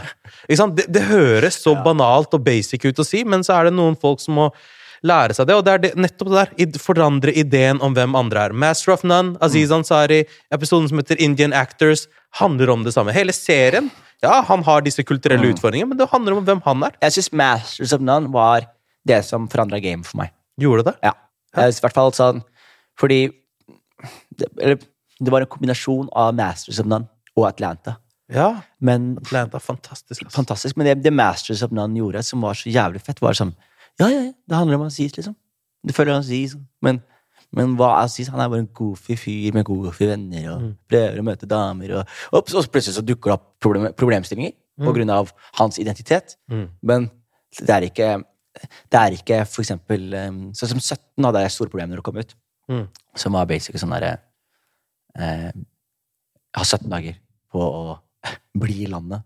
Og eh, altså, skjønner sånn, Det er bare sånn det er, ikke, det er ikke noe det er ikke, Jeg kjenner meg ikke igjen. Du kjenner deg ikke igjen. Ingen Mm. nordmenn kjenner seg igjen det. Det er bare Det er tydelig at det er en utenlandsk historie skrevet av norske folk. da. Mm. Men hvis du får lov til å skrive din egen historie Hvis jeg spør deg hva skjedde i dag, Ån? Mm. Hva gjorde du i dag? Så forteller du meg en historie om du gikk til butikken og gikk hjem og gjorde klar til podcast. Det handla ikke om at du gikk på butikken, og så var det en gammel dame som sa 'pakkis'. Og så var du sånn Wow! Så, altså, Skjønner jeg med det? Sånn, livet er normalt, ikke sant? Ja, ja, det skjer litt ting i ny og ne, liksom, men det er ikke det som definerer meg. Og så, Jeg ser ikke på meg selv som uh, pakistaner engang.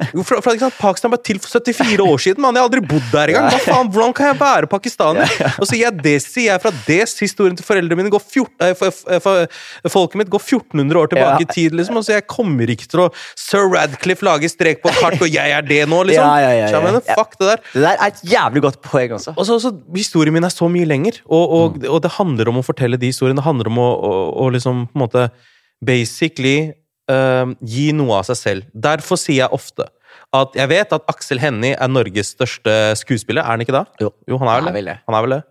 Ja, nei, Ja. Hivju kanskje? Nå? Ja, Hivju. Ja. Men de navnene jeg nevnte akkurat, inkludert ditt, Mm. betyr mer for kids enn det Aksel Hennie gjør. Ja. Fordi at de putter seg selv inn i arbeidet. De forteller ikke bare en historie som er interessant, eller stiller opp noen andres verk. De lager egne verk. Og det er en ganske fundamental forskjell. Jeg sier til kids at hvis du har en pronoun og en seksualitet, om du vil behandle på denne måten, om du er muslim og du ikke liksom, Uansett hva enn din kopp te er, det er din jobb å informere folk om det. Folk kan ikke automatisk vite. Fuck it, Folk vet ikke hvordan de skal uttale navnet mitt den dag i dag. Mm. On. Mm. Jeg mener? Jeg må fortelle dem det. Hvis ikke så vet de ikke bedre. Og jeg føler at debatter bidrar faen ikke til å fortelle det her. Nei, nei, nei. Debatter er De, de bare forvirrer. Det bare Forvirrer, forvirrer. Fordi, de, fordi debatter har Altså, her er mitt store problem med debatter. Mm. Det er at debatter har ikke som mål å komme til enighet. Altså, det, det burde nesten vært sånn Vi diskuterer bompriser, og så har du et godt argument. Jeg burde kunne si sånn, vet du hva? Å, skikkelig bra argument, liksom. Ja. Jeg skal ta det til meg. Jeg skal ta, diskutere det med gutta hjemme, liksom. Så skal vi Jeg liker, jeg liker det. La, vet du hva? La oss diskutere det etterpå. Jeg likte det du sa. Men debatter handler om å showcase sin mening, og vise at sin mening er bedre enn andres mening. Mm. Og da går man inn allerede med et ego. Sant? For du skal forsvare noe. Du Mm. skal vise noe. Du skal si ja! Så når da to egoer møtes, så er det ikke det er ikke noe åpenhet der. Så debatter er helt meningsløst for min del. Mm. Det burde, de, debatter hadde vært spennende for meg hvis det hadde vært sånn Ta alle debattantene, lås de inn i et rom, og så kommer, så kommer de ut etterpå, og så har de liksom et skriv da, med liksom Dette er det vi er enige om, da. Åh, Det, dette, er det, dette er det vi kom fram til. Bro, det her er en bra idé. Er det det? Det her er best reality-show jeg nå har hørt om. Alle ungdomspartilederne Ja. som skal være fremtiden av pol eh, politikk i Norge, låst inn i Big Brother-hus, Ja. sett på kameraer. Og, så, Se, de og de kommer ikke ut før de har kommet til en enighet om ruspolitikken, om eh, alle disse andre tingene også som er viktige for folk. Og de får ikke mat før det heller. Nei, det er helt fantastisk. Men, det er, men debatter er weird as shit. Altså. weird. Jeg har vært med i en debatt sånn før, men det har vært sånn der Hva er det vi gjør her? Fikk jeg sagt alt? Eh, Ja, Det burde, vært langfor, det burde vært langformat. Da. Hvis du først skal få to folk til å være uenige, la de snakke ut. Og, så, og du merka jo det i stad, for eksempel. I samtalen vi snakker i stad om, om ytringsfrihet. Mm. Om ordene neger og bak. Så ser vi sånn Å ja, det er mye forskjellig her. Mm. Men sånn som nå, ingen av oss vet svaret på det. Så vi bare ah, vi har en eh, åpen samtale om det, og så dukker opp en annen problemstilling, og så bla, bla. Konkluderer ikke med noe, men man har fått snakket om mye ting. Hvis jeg hadde kommet inn her og vært sånn «Ja, Jeg skal forsvare utenriksfriheten, så er det sånn derre ja, ja, men hvis du kommer med noen jævlig gode argumenter, da, så er det sånn Ja, ja, jeg ser det, men det er ikke det min mening. Er, Mm. Det er total utenriksfrihet. Du kan skal få lov til å si hei Hitler på gata og mobilisere folk til rasekamp, liksom. Mm. Eh, men eh, det er, eh, målet er ikke å komme til enighet, og da blir det bare vanskeligere. Ja, riktig. Det her var en helt sjukt bra samtale. Ikke bare sånn i form av at det her blir ekstremt lett å klippe, for jeg trenger nesten ikke å klippe det. Jeg, Men- jeg, prater, jeg er en jukebox, mann. Ja, det er det Du man putter, trenger. du putter bare en tier oppi der. Det går sånn her, altså. Jeg håper du fikk kommet deg gjennom det du skulle komme deg gjennom. Uh, ja, og mye, mye mer. Ok, La oss ta en sånn quickfire på det siste. Uh, jeg vet ikke ah, hvis du okay, har et spørsmål til. La oss ta quickfire. Bare jeg, skal, jeg skal gi kjapt, kort svar. Kjappe, kjappe svar. Eh, hva inspirerte oppveksten som du så på av norske ting? Jeg, det er den jeg ville svare på. Ja, av norske ting? Nei, alt mulig. Fuck norske ting. Jeg så ikke på norske ting. Okay. TV Norge hadde en Black eh, Afternoon. Black. Å ja. Fresh Prince of Bel-Air. Fresh Prince of EVE. Ja, ja, ja. Det her elsket jeg. Faen, det er sant. The Black Afternoon. Det er ikke tenkt Det er det vi kalte det. Okay. Og så Pokémon og anime og sånne ting. Mm. Veldig vokst opp med anime og manga. Det har du også, ikke sant? Anime og manga. Jeg elsket de greiene der. Eller jeg oppdaga manga litt senere, men, men Cartoon Network og tegneserier og en del sånt. samme, shit, samme her. Mm. Uh, men så når det kommer til liksom, innflytelse, som jeg alltid har tenkt på, er mine innflytelser alltid vært amerikanske.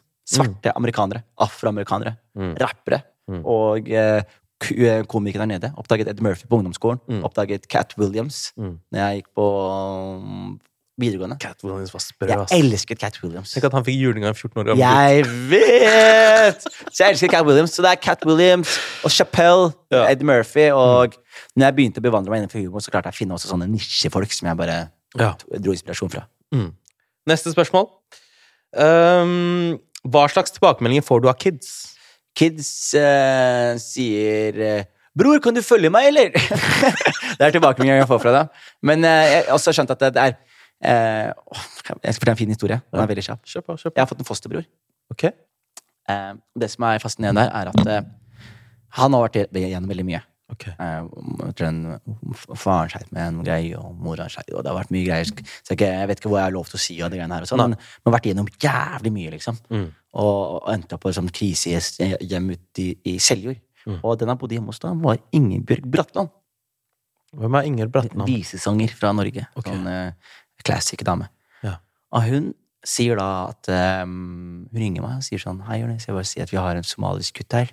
Mm. Han har vært gjennom veldig mye. Har Eneste han vil gjøre hver dag, er å se på Kongen av Gulset. Ah. Eneste de gjør hver dag, er å se på Kongen Kurstedt. Og det er sånn, De må nesten si sånn Ok, du får lov til å se en episode etter middag. Altså, det måtte være sånn regler på hvor mye han kunne se det. Så han vil snakke med deg, sier hun. Ja, ja, la oss snakke. Og jeg prater med han, og han bare begynner å sitere masse quotes fra dette universet her, og bla, bla, bla. Og så går det en stund, og så er mora og faren min sånn Ja, de har lyst til å bli fosterforeldre lenger, fordi de har ganske stort hus. Og, og når alle barna har flyttet, så jeg, jeg tror de føler det er veldig waste av både hus, energi og penger, og ikke ha, gi folk en mulighet. Da. Gode mennesker. Mm. Så de ender opp med å, å få en kid eh, hjem til oss. Da. Og, og når jeg kommer hjem, så er det han kiden. Okay. Og kiden han har vært igjennom så mye drit, så mye greier. Oh. Hele hans fantasiverden var kongen av Gulset. Han gjemte seg i kongen av Gulset nesten, fordi det var, Ja. sånn, det var, bare, det var så mye faenskap og drit rundt han. Det var trygt. Det var trygt, og da, haha, der er en karakter, og han elsker den karakteren. Og plutselig så bor han i huset til kongen av Gulset. For det er spilt på det er huset mitt, ikke sant? Ja, ja, ja. Så han plutselig bor i huset. Han har skuespillerne er brødrene hans og faren hans, og, og, og jeg er storebroren hans plutselig. Og han bare, han var helt sånn i sjokk, da. Og da skjønte jeg også veldig sånn fra en sånn eh, En ting som jeg tenker veldig på, som er sånn Hvis noe du lager, forandrer livet til noen Mm. til det positive, så burde det holde i massevis. Mm. Og det vet jeg at du gjorde. Så jeg er veldig happy for, eh, Ja. for eh, nettopp det. Og kids generelt, jeg merker nå er det er mange som på en måte ser på det som en mulighet til å kunne gjøre humor i Norge. Mm, mm. Mange som spør meg 'hvordan begynte du, bror?' Ja. Og, og forklarer. Og, det er, og jeg merker bare på standup-scenen nå, liksom, det er, vi har i hvert fall ti stykker utlendinger. Fra Mm. når jeg begynte, det var ingen utlendinger. Ja, akkurat sånn har det vært med norsk rap òg. Altså, jeg tror at hiphop 101 og alle disse tingene her sånn eh, All fokus på rap og rappkurs og alle de tingene her som har skapt veldig mye rappinteresse eh, i Groruddalen, for eksempel, for å ta ett område. Og uh, før 2000-tallet så var det nesten bare etnisk norske rappere. Så kom Ekkus og Karpe, som var liksom forandringen. Eh, og med en gang Kamara kommer ut med en diktsamling, så er det flere uh, innvandrerjenter, eller flerkulturelle jenter som vil skrive dikt, og Ja. du ser mer av det. Etter Zishan Shakar, flere vil skrive roman. Mm. Etter liksom Det her åpner dører, da. ikke Ja, og jeg tror veldig veldig på det. Jeg er veldig stolt av liksom Jeg syns, spesielt den derre boka di, da. Mm. De menneskene du hadde i boka. Det var veldig sånn, Når jeg så de navnene der, Mm. og så er jeg bare sånn um, Det er et eller annet sånn, en ydmykhet da, hvor det er sånn Ai, faen, er jeg, er jeg i det selskapet her? Liksom? Er, er dette selskapet jeg her er en del av? Mm. Og det syns jeg er en veldig sånn eh, veldig vakker ting. da, sant? Mm. Eh, hvor man liksom Ok, shit, jeg er med en vi er en Alle her gjør hver sin ting, men vi forandrer liksom landet på hver vår måte. Hver vår Og jeg måte. tror om, om 40-50 år, når det kommer en ny generasjon, så kommer liksom det vår generasjon har gjort i den tiden her, jeg tror det kommer til å være veldig viktig. da, Og viktigere enn penger, viktigere enn alt annet. Det er bare, kommer til å bare stå. Eh, og kanskje ikke ingen, ingen husker oss engang, men, kanskje, men det kommer i hvert fall til å være sånn at det, de neste som kommer opp, de kan gjøre alt lettere. Og jeg tror, for eksempel, vi snakket jo om en annen komiker, i som det var en utlending som var i bransjen før meg. Mm. Eller i humorbransjen. Og han behandla meg ganske dritt, da. Ikke sant? Og jeg visste ikke at jeg, jeg, jeg trodde jeg var sånn, at det skulle være dritbra, liksom. Men så plutselig, så, når jeg begynte å gjøre det bra, så begynte han å reagere dårlig, og begynte liksom å prøve å stenge dører for meg bak ryggen min, og litt sånn forskjellig. Fordi han mente at jeg var konkurransen hans, da. Og da husker jeg bare tenkte sånn, det var så sykt neandertalere å tenke sånn. Fordi jo flere utlendinger som gjør det vi gjør, jo mindre trenger jeg å være en utlending. Ja. Hvis jeg er den eneste svarte mannen i norsk humor, selvfølgelig må jeg snakke om å være svart. liksom. Mm. Det er jo, fordi det er du- Hvis ikke du gjør det engang, så er det samtidig som Hva faen er det du gjør for noe? Tror du du er hvit? Altså, skjønner jeg mener? Mm. Men hvis, vært, hvis jeg allerede har gjort det, eller en annen allerede har gjort det, og Jonna har gjort det, så kan jeg begynne å komme nå. Da kan jeg begynne å ta neste. Mm. Eh, neste liksom eh, Neste steg. Neste steg. Mm. Og etter meg nå så kan det komme en fyr som ikke engang trenger å ense sin somaliske etnisitet i det hele tatt. Han kan bare gå rett på bare «Ja, Vet du hva det står der, eller? og så er han sånn This guy's killing it, man! Uh, What's the deal with airplanes? Endelig en utlending som ikke er utlending! Og så er det sånn, ja, ja, men han kunne ikke gjort det hvis ikke jeg gjorde det jeg gjorde, og jeg kunne ikke gjort det jeg gjorde hvis ikke Jens Og jeg, og jeg snakket om Zaid Ali og sånn en del. Jeg kritiserte han fordi jeg syntes det var ganske sånn Det var mye av det som ikke fungerte, eller som, Mm. som jeg ikke likte når jeg vokste opp. Mm. Men så har jeg tenkt veldig mye på det, og så er det sånn, fuck, jeg skylder han fyren her masse respekt, liksom. Fordi, fordi han gjorde det han gjorde. Mm. For han var første, han var eneste, ikke sant? Mm. Og kommer opp og bla, bla. Han må gjøre det. Det er ikke noe, det er ikke noe altså, Du har jo lyst til å ha liksom, folket ditt bak deg, du har lyst til å ha disse tingene her.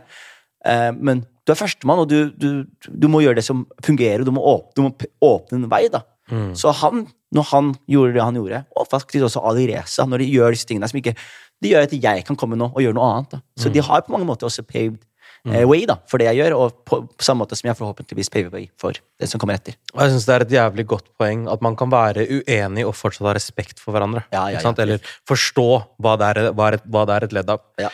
Eh, jeg kan ta siste avsluttende spørsmål. Ja. Og du kan velge om du skal svare kort, langt, det er helt opp til deg. Ja. Men uh, hva er den verste jobben du noen gang har gjort? Verste jobben Stand-up-jobben. Stand-up-jobben jeg har gjort. Verste? Det er et veldig godt spørsmål. Gjort Alle har vært bra, ikke sant? Nei, men jeg, jeg har gjort jævlig mange som er eh, Jeg, jeg, jeg, kan fortelle deg den mest spesielle, da. Ok. Eh, og det var første firmajobben min. Da jobba jeg fortsatt i finans. Aksjemegler. Jeg har akkurat gjort sånn tre-fire standup-shows. Det var en dame som var somalisk som hadde sett meg på standup-scenen. Syns jeg var dritkul. Mm. Så hun ringer meg, da, fordi jeg hadde nummeret mitt på 1881 og var veldig lett å få tak i. Mm. Så hun ringer meg og sier hei, er du tilgjengelig for en, eh, en liten jobb? Jeg sier what? Hun sier firmajobb. Jeg sier what? Hun bare 2000 kroner. Jeg bare I'm rich, man. så jeg går til sjefen min. Jeg sier hei, man. Han sier hva da? Jeg sier jeg er på gå. Altså, man. Han sier hvor skal du? Så sier jeg jeg har fått firmajobb. Altså. Han har sånn firmajobb. Gratulerer! ja. Jeg bare, jeg vet, jeg kommer tilbake etterpå. Han bare ja, ja, bare gå, bare gå. Han støtta meg på den tiden som faen. Okay. Så jeg og det var ikke Voi på den tiden her, ikke sant? Okay. så jeg må gå. jeg. så jeg går derfra til Grünerløkka Nav. Mm. Kommer inn der, møter hun dama, hun sier 'Å, så bra du kunne komme'. Så sier jeg ja, ja, 'takk for at du booket meg'. Og hun bare 'ja, jeg bare skjønte at vi trengte litt humor her etter hvert'. Og hvorfor det, har vært litt sånn mørke temaer og litt sånne ting, så litt digg å få løftet humøret litt, da. Så sier jeg ja, ja, definitivt, liksom. Hva er opplegget? Hun bare nei, akkurat nå så er, har vi hatt en sånn liten snakk om eh, hvordan det er å være utlending i Norge etter 22. juli. Og, og sånne ting. Ja, bare, ja, ikke sant, interessant, interessant. Jeg har null peiling på hva en shitgig er på en tid. Liksom. Interessant, interessant.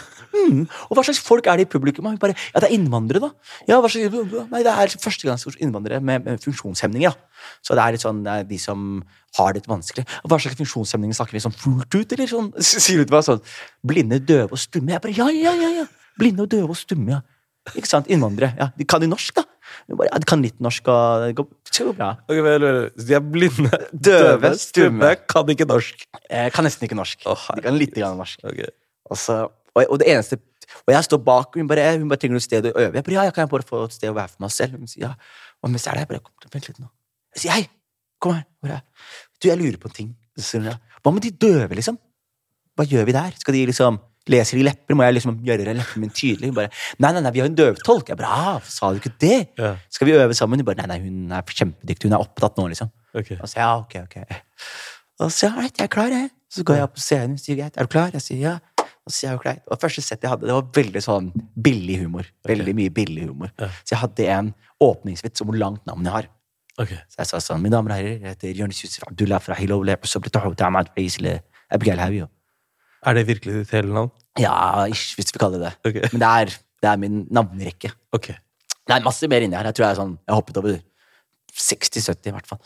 Eh, men så, mens jeg sier det lange navnet, Ja. så står hun dama ved siden av meg og kaster gang signs. Ja, som bare rakkeren. Som om det er fuckings Blood Crips som skal liksom Nei, du, du har sett når folk i Naruto skal lage sånn derre og jitsu. De gjør, sånn, gjør sånne ting med henda. Og det som skjer, er at de døve, de dør av latter. De ler sånn høyt. Okay. Og jeg tenker, hva skjer? Og hun dama Og jeg begynner å tenke sånn Hun sa bare navnet mitt nå! Jonis Yusuf Abdullah. Og de lo. Så jeg begynner å tenke sånn Hun dama her hun har laga sitt eget standup-sett. Vi er to forskjellige standup-sett nå, og hun killer det, liksom. Jeg var helt sikker på det, at hun kjørte sitt eget sett. liksom. Så jeg begynte liksom å levere mine egne vitser og se på henne mens hun gjorde det. ikke sant? For å se hva betyr liksom PlayStation 5, da. Ja. Og så ser jeg, Eller PlayStation 4 på den tiden. da. Og så ser jeg hun liksom gjør sånne, sånne tegn. da. Og Jeg går derfra etterpå, så er jeg bare sånn Dette er den råeste gigen jeg har hatt i hele mitt liv. Hun bare, du nailet det. Dritbra, liksom. Mm. Og jeg går derfra etterpå, så møter jeg komikere. De bare, hva gjorde jeg? Jeg gjorde en firmajobb i dag. De bare, gratulerer. Jeg, bare, jeg, jeg tjente 2000 kroner. De bare, så lite? Jeg bare, hva mener du så lite? De, du gjorde for noe Nav, kunne i hvert fall fått mer. Jeg bare, ja, kunne jeg det? Hva slags gig var det? Jeg bare blinde, døve og stumme. Aldri opplevd så mange mennesker som ler av meg. Bare sånn, skryter av at du gjorde et gig for blind. Det er mareritt, jo. Så, så glad var jeg i standup på starten. At jeg, det var bare et nydelig show for meg. Liksom. Jørnis, tusen takk for den samtalen her. sånn. Og uh, før du vet ordet av det, så ringer jeg igjen og sier sånn Jørnis, du må komme inn, bro. Vi skal snakke om her, shit. On. jeg, jeg vil bare si jeg er, uh, Dette er det du driver med. Veldig veldig stoka på deg. Du er en veldig, veldig, veldig veldig good liksom, kollega å ha i bransjen. Jeg er Sykt. veldig sånn en utlending som gjør uh, kule ting og tar saken vår. Lager den boka, de har vært med på å forandre ting. Og du har, du har vært med på å liksom, sette tonen for liksom, vår generasjon. Eh, spesielt vår generasjon. Jeg syns du gjør en eh, jævlig bra figur. Jeg håper jeg pratet eh, nok. Og så sier jeg tusen takk for meg. Du er sjukt raus, ass. Tusen takk. Det er pris på det.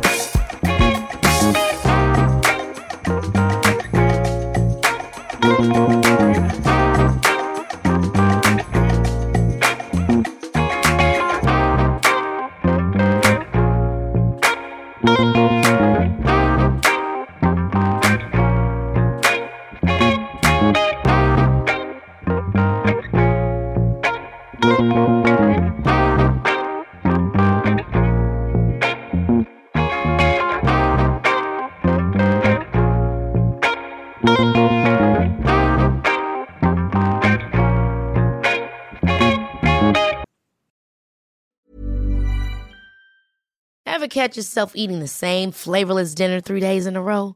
Dreaming of something better? Well, HelloFresh is your guilt free dream come true, baby. It's me, Kiki Palmer. Let's wake up those taste buds with hot, juicy pecan crusted chicken or garlic butter shrimp scampi. Mm. Hello Fresh. Stop dreaming of all the delicious possibilities and dig in at HelloFresh.com. Let's get this dinner party started. Hey, it's Paige DeSorbo from Giggly Squad. High quality fashion without the price tag? Say hello to Quince. I'm snagging high end essentials like cozy cashmere sweaters, sleek leather jackets, fine jewelry, and so much more. With Quince being 50 to 80% less than similar brands. And they partner with factories that prioritize safe, ethical, and responsible manufacturing. I love that. Luxury quality within reach. Go to quince.com slash style to get free shipping and 365 day returns on your next order. Quince.com slash style.